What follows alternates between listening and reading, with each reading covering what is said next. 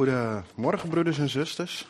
Fijn om weer eh, ja, hier te staan om ja, te mogen spreken. Vind ik toch een stuk prettiger als voor de camera alleen. Dus eh, ja, blij dat dit weer kan. Vanmorgen ga ik met u nadenken over een thema wat me ja, al best wel een tijdje bezig heeft gehouden. En dat is Jezus, de Zoon van God. En ja, ik ben eigenlijk daarbij bij gekomen toen ik in het Johannes-evangelie aan het lezen was was tijdens de preekcursus dat we daar een keer een preek uit moesten voorbereiden. En dat uh, ja, Tom ons ook uitdaagde om te kijken van ja, wat is nou de samenhang uh, in het hele boek. En toen was ik daar helemaal niet gekomen, maar ik heb dat later wel gewoon nagelezen en toen gekeken van ja, wat is nou echt een groot thema in het boek Johannes. En ja, dat blijkt dus te zijn dat het ook een heel groot betoog is eigenlijk over dat de Heer Jezus de Zoon van God is. Maar dan wil ik beginnen met uh, ja, het lezen van een gedeelte, niet uit Johannes, maar uit uh, Matthäus. En dan wil ik beginnen bij Matthäus 3 vanaf vers 13 tot en met uh, Matthäus 4 vers 11. En dan uh, ja, wil ik u lezen uit de herziene staatvertaling vanuit Matthäus 3. Dan begin ik bij vers 13. Dat is ja, de doop van de Heer Jezus en dan nadat hij gedoopt is ook de verzoeking in de woestijn. En daar uh, wil ik vandaag mee starten. Toen kwam Jezus van Galilea naar de Jordaan, naar Johannes om door hem gedoopt te worden. Maar Johannes wilde hem hiervan weerhouden en zei: Ik heb het nodig om door u gedoopt te worden en u, komt, en u komt naar mij. Maar Jezus antwoordde hem en zei: Laat het nu gebeuren, want op deze wijze past het ons alle gerechtigheid te vervullen. Toen liet hij het hem toe. En nadat Jezus gedoopt was, kwam hij meteen op uit het water. En zie, de hemelen werden voor hem en hij zag de geest van God als een duif neerdalen en op zich komen. En zie, een stem uit de hemelen zei: Dit is mijn geliefde zoon, in wie ik mijn welbehagen heb.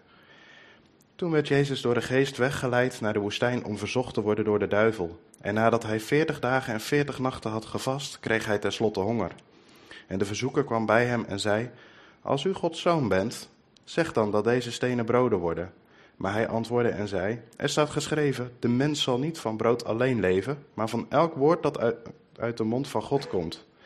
Toen nam de duivel hem mee naar de heilige stad en zette hem op de hoogste, eh, het hoogste gedeelte van de tempel.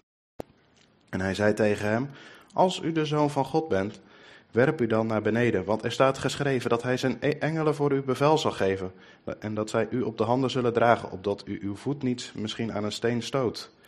Jezus zei tegen hem: Er staat eveneens geschreven: U zult de Heere uw God niet verzoeken. Opnieuw nam de duivel hem mee, nu naar een zeer hoge berg. En hij liet hem al de koninkrijken van de wereld zien met hun heerlijkheid. En hij zei tegen hem: Dit alles zal ik u geven als u knielt en mij aanbidt. Toen zei Jezus tegen hem: Ga weg, Satan, want er staat geschreven: De Heere uw God zult u aanbidden en hem alleen dienen. Toen liet de duivel hem gaan. En zie, de engelen kwamen en dienden hem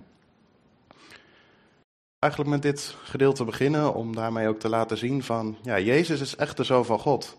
Dit is, uh, in dit gedeelte uh, ja, zien we eerst in de doop, waar we de drie-eenheid van God ook ja, vertegenwoordigd zien op de aarde.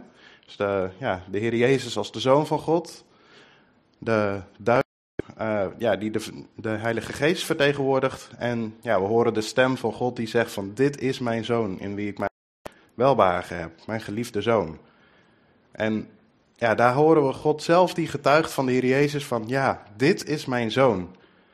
En ik heb hem naar de wereld gestuurd.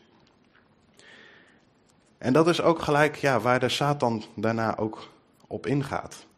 We zien dat na zijn doop wordt de Heer Jezus weggeleid. Komen we bij wat we ook wel kennen als de verzoeking in de woestijn. Dan 40 dagen, 40 nachten heeft de Heer Jezus gevast. En ja, dan op dat moment als hij zwak is, dan komt de Satan. En ja, ooit vroeger heb ik dat uh, soort als losse geschiedenissen altijd gezien. Maar het is altijd belangrijk om ook te, te lezen dat het in een context staat.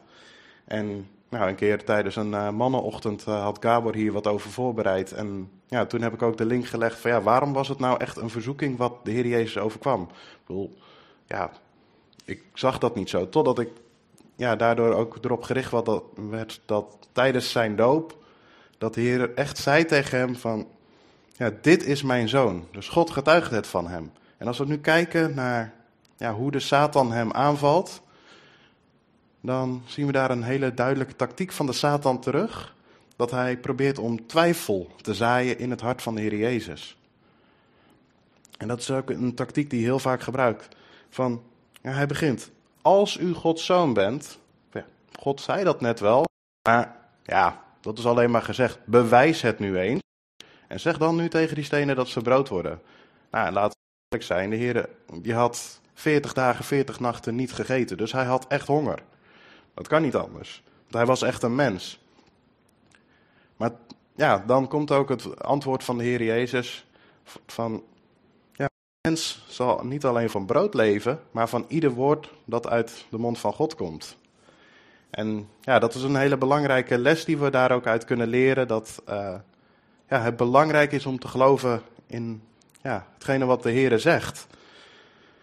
Want ja, dat staat ook in uh, Romeinen 10, vers 17. Want zo dan is het geloof uit het gehoor en het gehoor door het woord van God. Dat, ja, als wij geloven wat uh, God zegt, ja, dan moeten we luisteren naar wat hij zegt. En nou, hier vraagt de Satan eigenlijk aan de Heer Jezus van, nou ja, bewijs dat je de zoon van God bent door deze stenen in brood te maken. Nee, daar gaat het niet om. Het gaat om het luisteren en het gehoorzamen en het geloven dat het waar is. En dat is ook waarom dit ook ja, zo'n uh, bijzondere verzoeking was. Maar ook omdat het heel veel twijfel legt bij, ja, bent u nou wel echt dan de zoon van God? En ja, die twijfel ook, zoals ja, de Satan dat hier doet, dat is ook iets wat we zelf ook heel uh, soms terug kunnen zien in ons leven. Dat we vragen krijgen van ja, is het nou wel echt zo? En ja, dat is een tactiek die de Satan al heel uh, gebruikt. Als we kijken naar het paradijs, het eerste wat de Satan zei toen hij bij Eva kwam was: Is het nou echt zo dat God heeft gezegd: U mag niet eten van alle bomen in de hof? Dat hij ja, de woorden van God gebruikt, een heel klein beetje draait, heel dicht bij de waarheid blijft, maar net niet om dan zo twijfel te zaaien, om het woord van God onderuit te halen. En ja, zo ook hier uh, ja, stelt de Satan eigenlijk het God zijn van de Heer Jezus, doordat hij dan ja, vraagt of hij Gods zoon is, ja, brengt hij aan het wankelen. En ja, soms kunnen we dat in ons eigen leven ook hebben. Van, ja, is de Heer Jezus wel echt voor mij gestorven? Is dat wel zo? Of ja, andere vragen die ons bezig kunnen houden. Van ja, de wet van God die is toch volmaakt, dus als ik die nou hou, dan gaat het toch goed? Dergelijke vragen kunnen ons soms bezighouden en aan het twijfelen brengen. Maar het is dan ook heel belangrijk dat we kijken ook, uh, ja, wat zegt de Bijbel daarover? En als er in de Bijbel staan er zoveel dingen ook over, ja, met name ook in de brieven, over deze waarheden, dat als wij in Hem geloven, dat we ook, ja, uh, gered zijn. En als wij Hem mogen erkennen als onze Vader, dan is dat de geest in ons die getuigt met ons dat, uh, dat Hij onze Vader is. En dat zijn wij dan niet zelf. En daarop, op grond daarvan mogen we dan ook geloven dat dat echt waar is. En hoeven we daar niet aan te twijfelen. En ja, zo wil ik u ook bemoedigen van, ja, als we daar twijfel in hebben, dan kan dat een aanvechting zijn van de Satan. Maar dan mogen we gewoon gaan zoeken in Gods woord naar antwoorden van hoe kan ik die twijfel weer leggen? Want dat is echt mogelijk. Dat zien we hier de Heer Jezus ook doen. En ja, dat, uh, ja, dat vond ik zo ook wel mooi dat daar aan de ene kant ook gewoon uh, ja, extra ook de nadruk op gelegd wordt dat de Heer Jezus echt de Zoon van God is. Omdat hij ook die twijfel kan weerstaan, maar dat het ons ook ja, een stukje handvatten geeft hoe wij daar zelf ook mee om kunnen gaan. En ook bij de andere dingen, dan uh, ja, ligt er ook wel voor de Satan de nadruk op om juist de godheid van de Heer Jezus aan te tasten. En de tweede dat hij hem meeneemt naar de tempel om daarvan af te springen. Maar ook vooral de laatste, die vond ik ook wel heel sterk, dat uh, de Satan hem meeneemt. En ja, dan is het ook goed om te beseffen dat de Satan op dit moment ook de vorst uh, van, van de wereld is, zeg maar. Dus dat hij degene is die nu ja, de zeggenschap heeft over ja, de aarde, zeg maar. En ja, als hij dan de Heer Jezus meeneemt naar een berg en hem de koninkrijken van de wereld laat zien, dan is dat iets wat hij op dat moment ook ja, in zijn macht heeft. Zegt hij van ja, als u nu voor mij neerknielt, dan zal ik u dit al geven. Terwijl wij weten dat ja, uiteindelijk alles aan de Heer onderworpen zal zijn.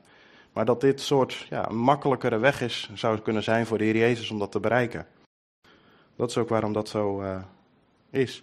Maar wat zou er gebeuren als de Heer Jezus voor de Satan zou knielen? Dan is eigenlijk uh, het doel van de Satan zou daarmee bereikt worden, wat hij ja, in de hemel al heeft geprobeerd te bereiken voordat hij viel. Dat kunnen we ook lezen in uh, Jesaja 14 of uh, Ezekiel 28. Dat moet u misschien zelf ook maar eens uh, nalezen. Waar staat ook dat de Satan gevallen was omdat hij zichzelf ook wilde verheffen boven God. En boven hem wilde staan. En eigenlijk als de Heer Jezus hier zou knielen voor de Satan, ja, dan zou dat ook gebeuren. Dat ja, de Heer Jezus zijn aanbidding aan de Satan geeft om hem zo boven zich te zien. Nou, dan ja, geeft de Heer Jezus natuurlijk ook gewoon heel duidelijk terug van ja, ga weg Satan, dit, dit gaat te ver. Er staat geschreven, de Heer uw God, alleen hem zult u dienen. En ja, dan verlaat de Satan hem ook voor een tijd.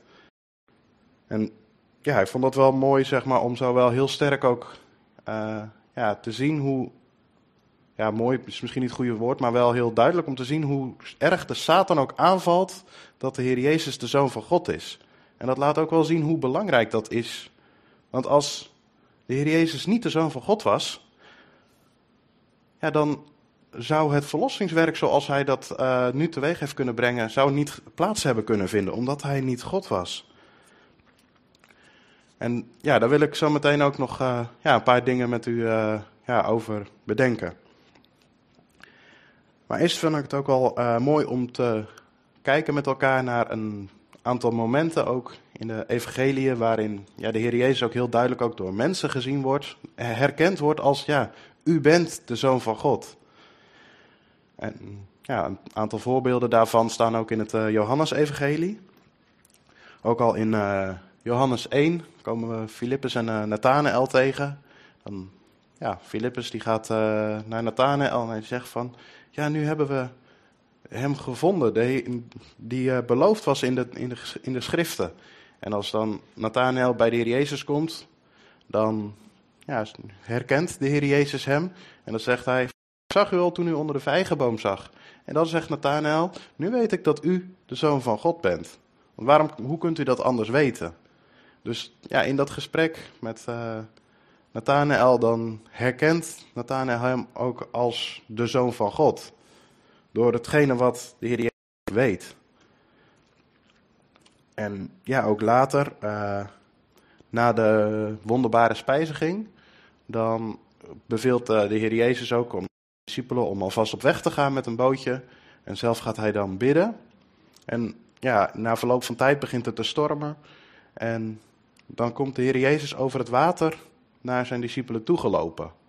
En ja, daar vind ik ook wel een hele mooie les in zitten.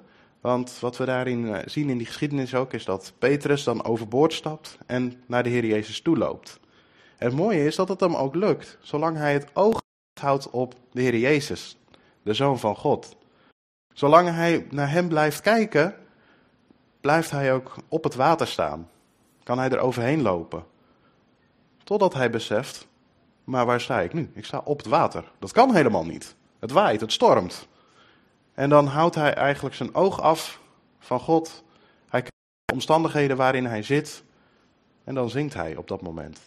En dan is er de Heer Jezus die hem bij de hand pakt en alsnog redt. Maar daar kunnen wij ook van leren dat het ook heel belangrijk is om ons oog ja, gericht te houden op Hem. En ja, ik denk een hele goede manier om dat te doen is om ons ook te verdiepen in zijn om daar mee bezig te zijn, uh, bijbelstudie te doen en ja, ons zo te vullen met Hem. Zodat we ja, ook weten wat Hij wil, wat Zijn ja, wil ook met ons leven is, om dat ook te kunnen ontdekken. En dan houden we ook ons oog gericht op Hem. Want hoe meer we ons vullen met iets, hoe meer ja, we daar ook op gericht zullen zijn. Maar als, we, als hij, de Heer Jezus dan ook uh, ja, het bootje instapt, dan vallen de discipelen ook in aanbidding voor hem neer en dan zeggen van ja, u bent de zoon van God. En ook dan, ja, na een groot teken eigenlijk. Ja, dat is, eh, excuus, moet, wat daarvoor gebeurt is uh, dat de Heer Jezus dan de wind en de zee beveelt om stil te worden. Maar dan heeft de Heer Jezus eerst over het water gelopen en dan komt hij in het schip en dan stilt hij de storm. En dan erkennen de ook van ja, hij is echt de zoon van God. Want wie anders dan God uh, heeft zoveel macht dat zelfs de wind en het water hem gehoorzaam zijn. En zo is daar ook weer opnieuw een, uh, ja, een getuige van mensen ook dat de Jezus de Zoon van God is. Wat ook volgt uh, ja, een groot teken eigenlijk. En aan het einde van zijn uh, omwandeling op aarde, net voor, uh, ja, tijdens de kruisiging, dan horen we opnieuw iemand die zegt ook, uh, ja, dit is echt de Zoon van God. Op het moment dat hij sterft en de aarde beeft, dan is staat daar die hoofdman over honderd, een heidense hoofdman, die dan erkent, ja, dit was de Zoon van God die we gedood hadden, hebben. En ja, ook daar opnieuw een mens die ook herkent van, ja, dit is de Zoon van God die hier aanwezig is, die nu gestorven is. En ja, deze gebeurtenis, het sterven van Christus, dat brengt ons ook gelijk bij ja, het grote doel waarmee de Heer Jezus ook op de aarde is gekomen. Namelijk ook om het verlossingsplan voor de mensen ja, uit te werken. En dat is ook uh, ja, iets wat niet had kunnen plaatsvinden als hij niet de zoon van God was. En om nog ook uh, meer te lezen over dat uh, verlossingsplan, wil ik ook met u gaan lezen uit uh, Johannes 3. Dus dat kunnen we met elkaar misschien ook opzoeken. Dat is het gesprek wat de Heer Jezus met Nicodemus heeft. Johannes 3, en daar wil ik een klein gedeelte uit lezen. En dan wil ik vanaf vers 16 lezen. Dus Johannes 3.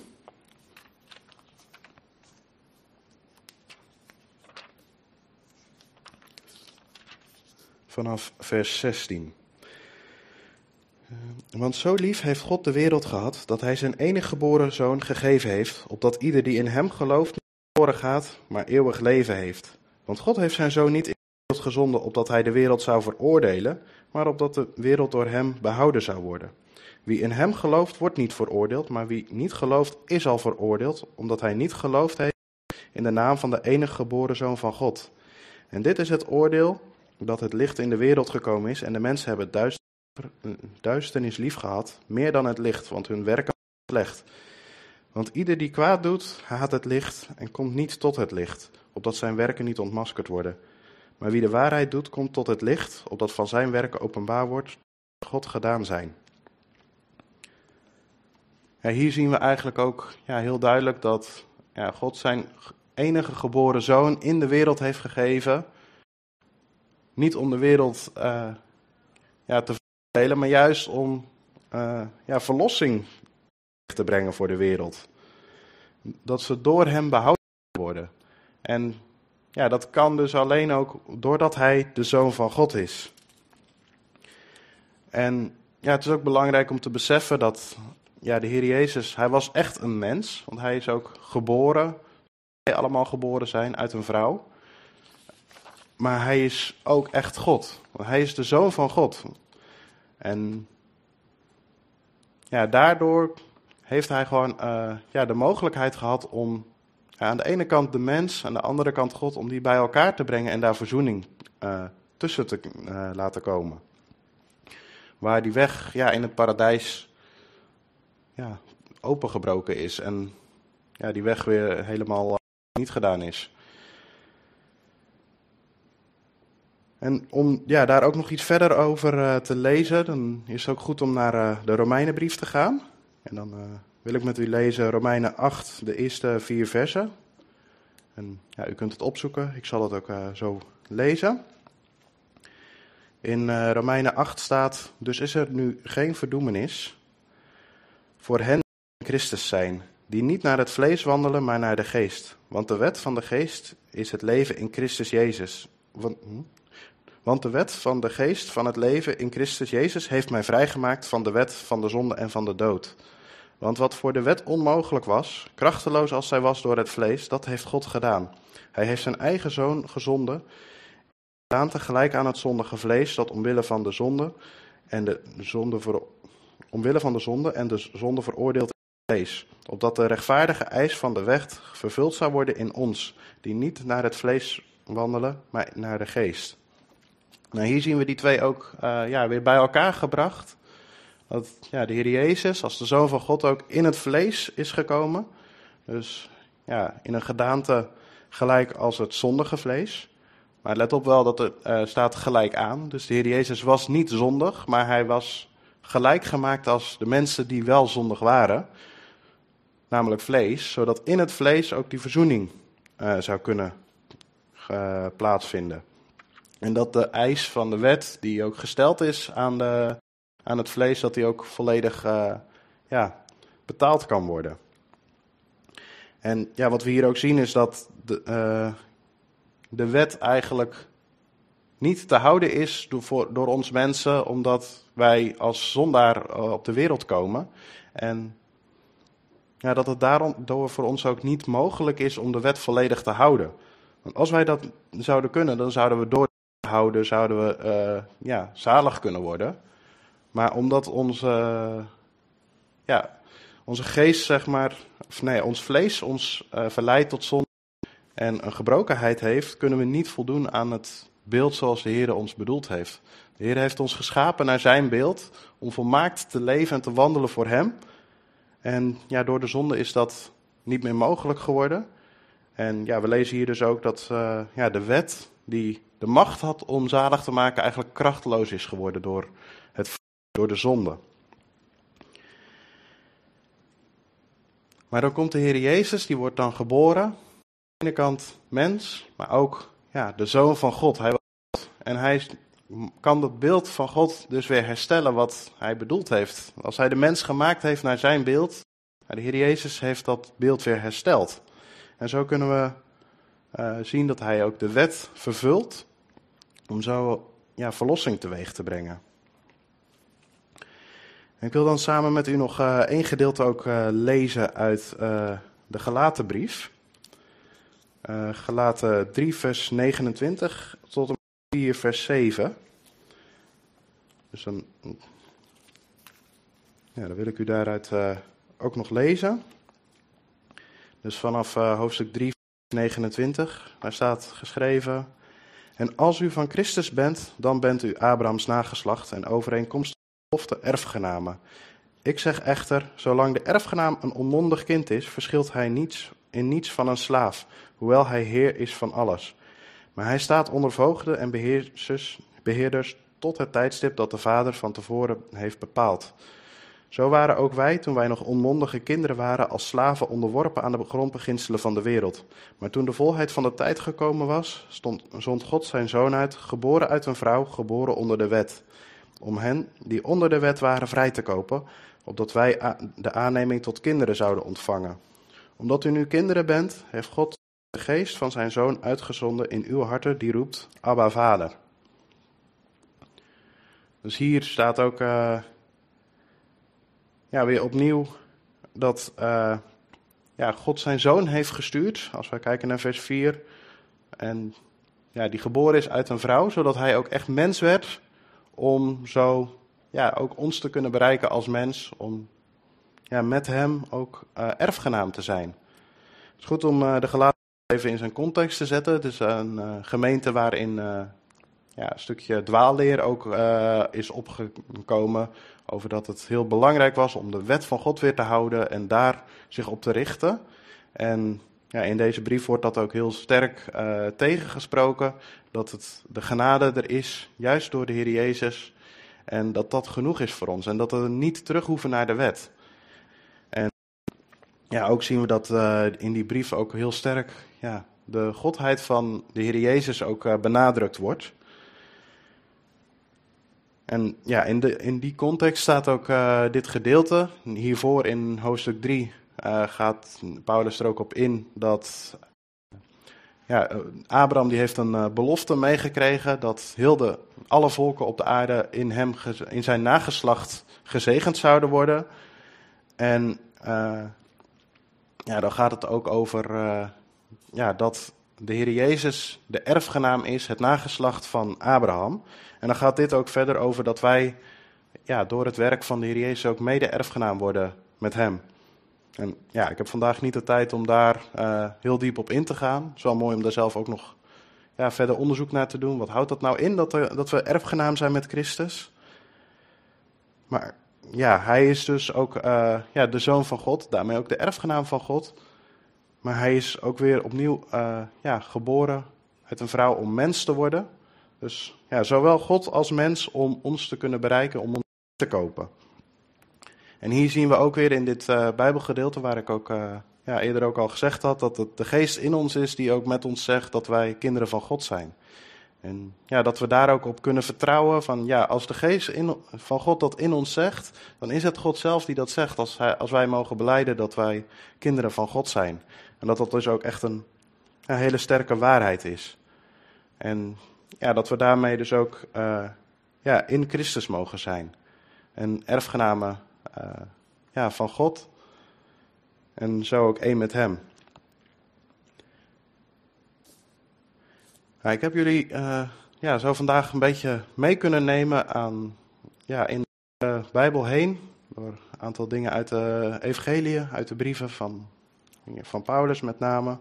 Over ja, dat de Heer Jezus de Zoon van God is. En dat is iets wat de laatste tijd ook, uh, best wel vaak aangevochten kan worden. Uh, nou, we hebben ook de afgelopen twee weken van uh, Ton ook een aantal preken gehad over ik ben uitspraken. Waarin hij dat ook ja, eerder gedrukt heeft van ja, de, de Heer Jezus is echt de. Hij is echt God. En ja, dat is iets waar, ja, wat, waar ook wel uh, ja, twijfel bij, uh, bij komt tegenwoordig in de wereld om ons heen. En ja, ik hoop dat ik hiermee ook u ja, nog extra heb kunnen laten zien van ja, het is echt waar. Jezus is de Zoon van God. En het is ook heel belangrijk dat hij de Zoon van God is. Omdat ja, zonder dat hij God was, had hij niet de prijs kunnen betalen die hij nu wel betaald heeft. Had hij niet de verzoening teweeg kunnen brengen. En ja, hij was ook echt mens, omdat hij daardoor ook ons kon bereiken. En ja, ik hoop dat ik u zo ook uh, ja, heb kunnen laten zien hierdoor uh, ja, hoe belangrijk dat is. En ook wat praktische lessen van ja, hoe we ja, dat in ons leven ook mee kunnen nemen. En ook het voorbeeld wat de Heer Jezus ook gesteld heeft, hoe we dat ook uh, in ons leven kunnen toepassen. De manier waarop hij ook de twijfel ja, bestrijdt door op het woord van God en dat ook in zijn geheel te zien. En ja, dat, dat we dat ook mee kunnen nemen. Amen.